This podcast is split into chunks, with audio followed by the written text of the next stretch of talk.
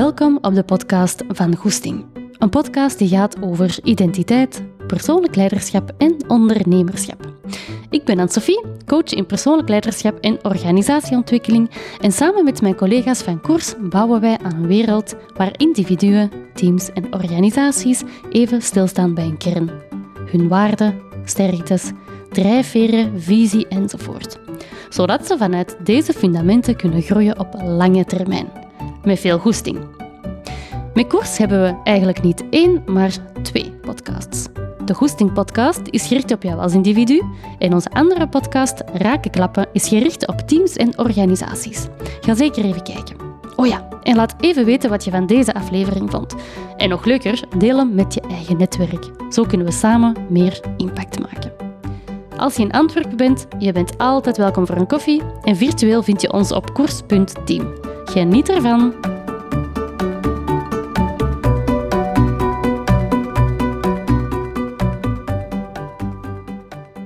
Deze aflevering gaat over jezelf kunnen zijn en jezelf kunnen tonen. Het is een heel ruim thema waar dat ik twee dagen over zou uh, kunnen spreken, maar ik focus vandaag heel graag op één stukje daarvan. En laat mij op het einde van de aflevering zeker weten wat je ervan vond en deel hem ook met zoveel mogelijk mensen, omdat ik denk dat deze aflevering echt wel wat verheldering zou kunnen brengen voor jezelf, maar ook wel voor anderen. De reden dat ik deze aflevering maak is eigenlijk omdat er enorm veel reacties gekomen op enkele stories die ik maakte op Instagram enkele weken geleden. En ik zal het verhaal vertellen op dezelfde manier hoe ik dat toen op sociale media heb gedaan, zodat je ook een beetje kunt meevolgen. Jo, ik, ik zal u misschien even meenemen in het verhaal. Hè. Dus um, ik ga nu even Manon, mijn oudste dochter van drie jaar, voorstellen. Als Manon op een nieuwe plek komt, of bij nieuwe mensen komt, dan heeft hij heel graag wat tijd um, en heeft hij ook wel wat tijd nodig. Hè? Om te observeren, om een beetje te kijken. Um, en zelfs bij mensen dat ze goed kent, neemt ze ook wel graag die een tijd. Hè? De mensen die, um, mijn familie, goede vrienden, die weten dat al. die wilden eigenlijk alles eerst heel graag wat observeren, zien wie dat er allemaal is, wat er allemaal te doen is. die neemt graag alles in zich op. En als ze zich klaar voelt, gaat ze vanzelf wel op stap. Maar een heel belangrijke is dat Manon, als zij op stap gaat, dan wil ze dat zelf kunnen beslissen. Dat hebben we echt al gemerkt. Vanaf dat ze gepusht wordt, ehm, dan, um, dan stopt dat eigenlijk. Um, dus het is hier super belangrijk dat ze dat op eigen tempo kan doen. Maar straks ga ik daar nog wat verder op in. Hè. De speeltuin is eigenlijk een heel goed voorbeeld. Hè. Die kan soms letterlijk een kwartier gewoon uh, staan, hè, zonder te bewegen, naar alles en naar iedereen kijken. En um, als die daar de ruimte voor krijgt, dan um, dat is eigenlijk wel grappig. Hè? Dan staat hij eigenlijk gewoon te kijken in het midden van die speeltuin. En dan uh, op een bepaald moment dan, voilà, dan is, alles op, is alles in zich opgenomen. En dan gaat hij haar eigen plekje zoeken. En dan begint hij daar eigenlijk gewoon op haar gemakje te spelen. En helemaal op het begin vonden we dat zo van, ah, oh, oké, dat is wel um, grappig. Want dat kon soms echt heel lang duren. Maar uh, we hebben echt gemerkt dat hij dat echt helemaal prima vindt en dat hij er eigenlijk ook wel heel hard van geniet op die manier. Um, dus, en dat is een belangrijke, um, want het valt mij op dat er niet in alle situaties, of dat er niet altijd ruimte is om haar een tijd te nemen. Hè. Um, ik verklaar me nader. Manon die kan heel goed zeggen wat ze wel wilt, maar ze kan ook heel goed zeggen wat ze niet wilt. Dus ze kan ook heel goed nee zeggen. En soms komt ze op een nieuwe plek. En als we op een nieuwe plek komen, dan zit ze meestal in mijn armen of in de armen van Dominique. En wat dan meestal gebeurt als je ergens aankomt, uiteraard um, zeggen wij hallo. En um, wij hebben zo'n beetje de gewoonte in België om elkaar een kus te geven. Um, en uiteraard willen mensen ook Manon hallo zeggen. Hè? Dat is een beetje wat dat we dan doen. Maar vanaf dat Manon het gevoel krijgt dat ze zo wat moet hallo zeggen, of dat mensen haar aanraken of een kus willen geven of zo, en ze zegt duidelijk nee, ik, ik, voel dat ook. Ik voel dan de spanning in die haar lichaam, want die houdt mij dan wat harder vast. Die benen die, die, die krampen zich zo rond mijn middel, die armen gaan nog steviger in mijn nek en haar hoofd. Dat, dat drukt dan eigenlijk heel haar gezicht echt tegen mij aan. En in de meeste van de gevallen is dat ook oké, maar er zijn soms echt al wel gevallen dat mensen dan niet zeggen in hun aard van oh, ze verlegen? Of is ze verlegen? Of oh, wilde je een hallo zeggen? Ehm, zo. Of, of ik heb zelf al gemerkt dat het soms wel voorkomt dat als ze echt nee zegt, dat, dat mensen zich precies zo wat persoonlijk ehm, afgewezen voelen of zo. Van, oh ja, oké, dat niet, hè. En dan, stappen ze zo, zo weg. Um, en in zo'n situaties heb ik eigenlijk echt al wel gemerkt dat het nadien nog langer duurt vooraleer dat ze ons loslaat of vooraleer dat ze zich echt op haar gemak voelt om zelf wat te gaan spelen of iets te gaan doen. En daar gaat het eigenlijk over. Um, het gaat eigenlijk over wat is de grens van een kind en hoe geeft um, een kind dat ook aan? Hè? Als Manon heel duidelijk nee zegt en zich ook schrapper um, rond ons houdt, dan stelt zij op dat moment een hele duidelijke persoonlijke grens. En een grens dat ze zegt dat ze iets niet wilt of dat ze iets niet fijn vindt. En dat is een signaal waar dat wij naar mogen luisteren als ouder, maar ook als um, vrienden van die ouder of buren van die ouder of wat dan ook. Hè. Als een kind duidelijk nee zegt, dan is dat gewoon nee en dan is dat ook oké. Zeker als het gaat over hallo zeggen of moeten komen spelen. Of, hè. Um, en als daar naar geluisterd wordt, dan zal dat kind ook opgroeien met het idee dat ze grenzen kan stellen en dat die ook gerespecteerd worden. Um, en er is een keer geweest eigenlijk dat er iemand eigenlijk echt over haar grens is gegaan en ik vond dat echt niet fijn en dat is echt bij mij blijven hangen. Daarmee ook dat dat was trouwens volgens mij zelfs de aanleiding ook van, uh, van mijn stories. We hadden een koppel uitgenodigd om een apéroke bij ons te komen nemen, um, maar dat waren eigenlijk mensen die Manon nog niet had gezien en um, toen dat die aankwamen gebeurt altijd wel zo. Als de bel gaat of er komen mensen aan, dan, dan vliegt Manon in onze armen. Ook zelf als dat mijn ouders zijn of de ouders van Dominique of zo. Um, en voilà, ik had ze vast en ik zei hallo aan iedereen en die man die raakt haar voeten aan. Um, en zo kriebelen aan die voeten. en, en hij wilde haar eigenlijk doen lachen. En dat was vanuit een hele goede intentie natuurlijk. Hè? Maar ze wilde haar doen lachen, uh, hallo zeggen. Maar eigenlijk heeft Manon daar enorm snel op gereageerd. En ze zei heel resoluut nee. Um, ze kroop ook helemaal weg. En op dat moment bleef hij eigenlijk haar aandacht vragen, bleef hem zelf haar voeten aanraken. Ehm, en ze werd er eigenlijk echt heel boos van. En ik voelde ook heel haar lichaam zo opspannen. En ik vond dat eigenlijk echt niet fijn. Ook achteraf, als ik dat zo vertelde, denk ik, allee. En ik vond dat niet fijn voor haar, maar ik vond dat ook niet fijn voor mij als moeder. Omdat het heel duidelijk was dat zij iets niet wilde. En ik vond dat helemaal prima, maar die persoon uh, wou dat eigenlijk niet aannemen. En die persoon ging eigenlijk echt over die, over die haar persoonlijke grens. En ze heeft eigenlijk, en dat heeft echt impact gehad, want ze heeft eigenlijk heel die avond gewoon aan ons gehangen. Um, ik denk dat ze ons zelfs amper heeft uh, losgelaten, omdat die gewoon totaal niet op haar gemak was. En ik moet zeggen dat ik niet meer zo goed weet wat ik op dat moment um, heb gezegd. Um, het is al een paar maanden geleden. Maar nu zou ik iets zeggen in de aard van... Ja, kijk, geef daar maar even ruimte, dat is oké. Um, en voilà, klaar.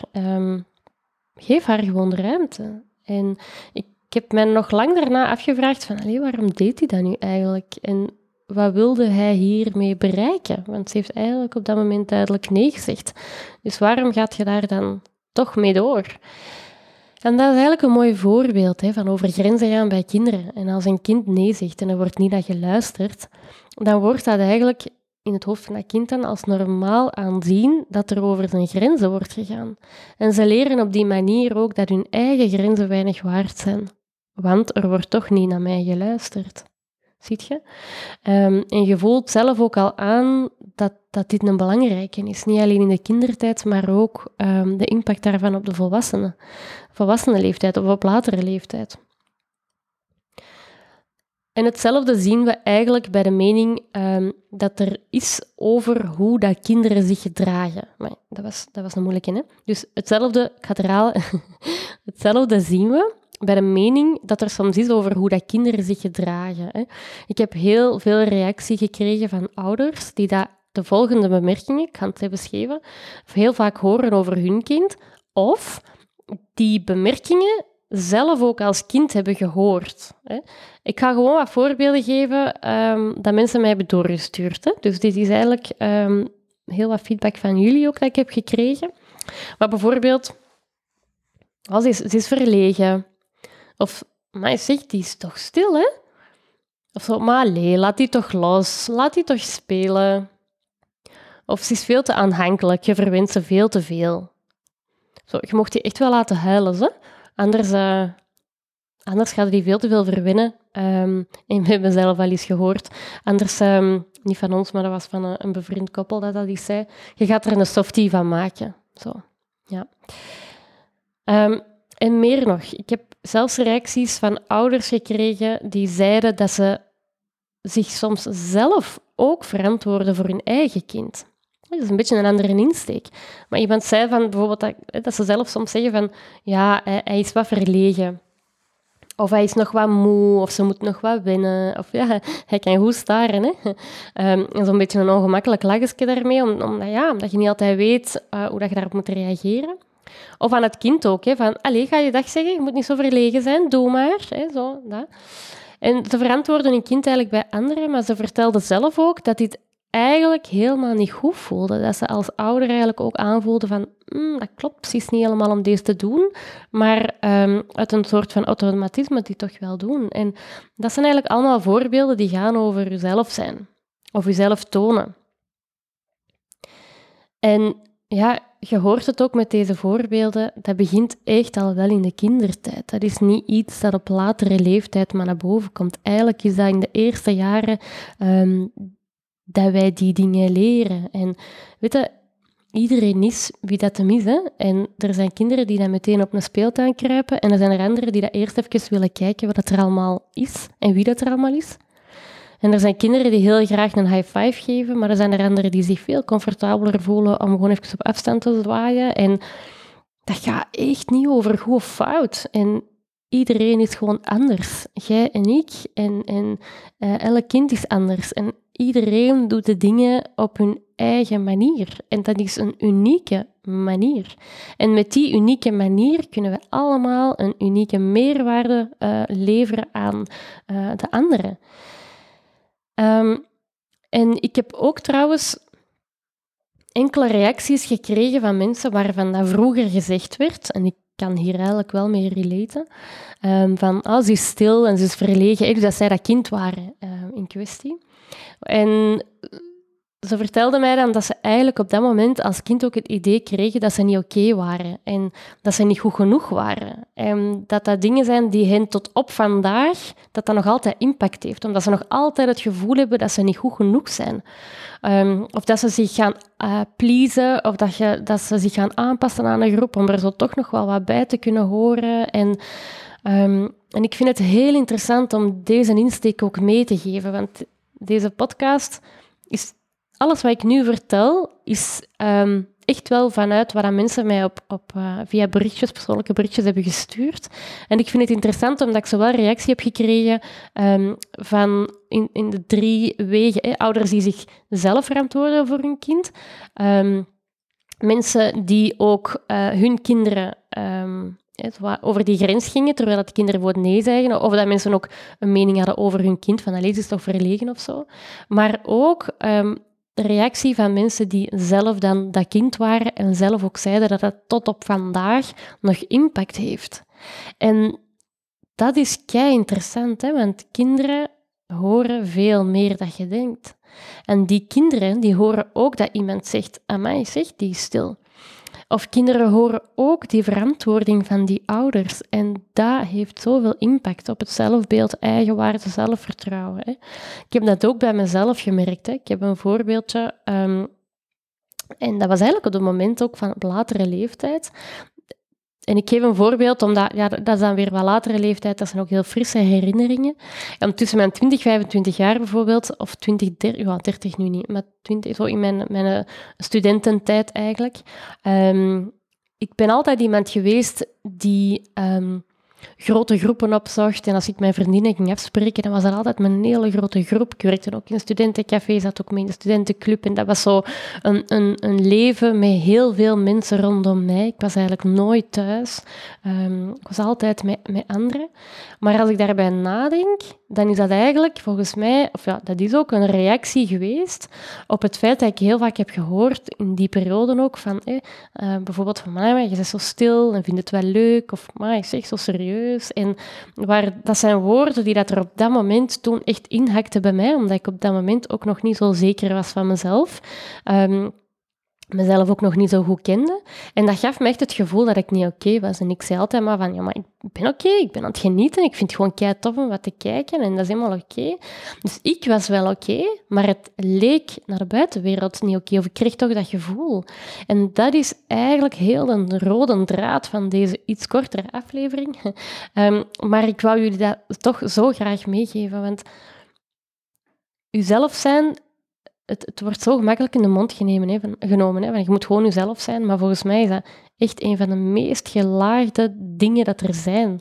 Ehm, en het begint al in de kindertijd, nog voordat we echt concrete herinneringen hebben. Um, maar het zijn die dingen die dat zelfs op latere leeftijd um, nog zoveel impact hebben. Hè.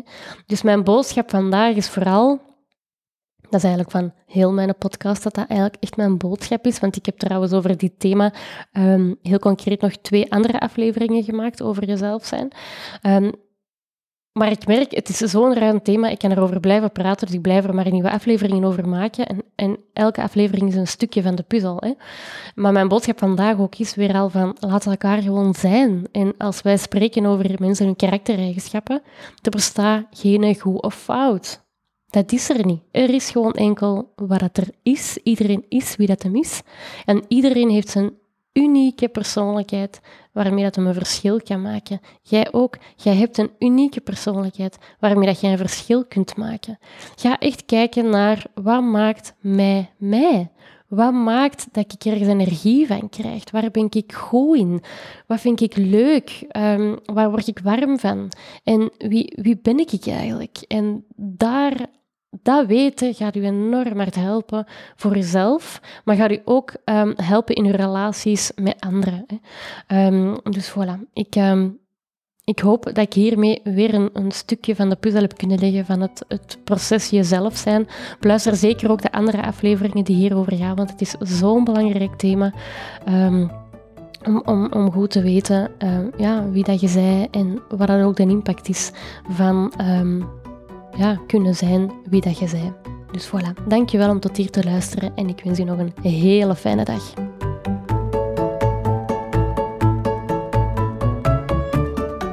Ziezo, het zit erop. Ik vond het super fijn dat je luisterde, dankjewel daarvoor.